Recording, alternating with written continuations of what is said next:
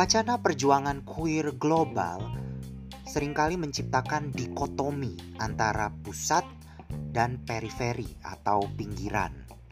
Misalnya, betapa sering tragedi Stonewall di Amerika diposisikan sebagai titik awal, bahkan titik utama dimulainya perjuangan politik queer global.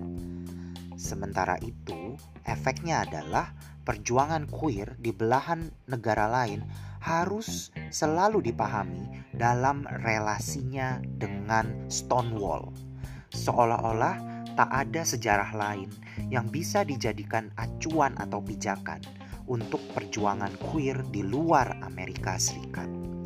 Yang tak kalah menyebalkan dari proses pengkultusan Stonewall ini adalah bagaimana film Stonewall besutan Roland Emmerich menampilkan lelaki gay kulit putih sebagai seorang yang pertama melempar batu dan memantik perlawanan terhadap polisi. Narasi ini secara ceroboh sengaja menghapus peran sentral transgender kulit hitam atau transgender kulit berwarna dalam melecut perlawanan Stonewall yang ada.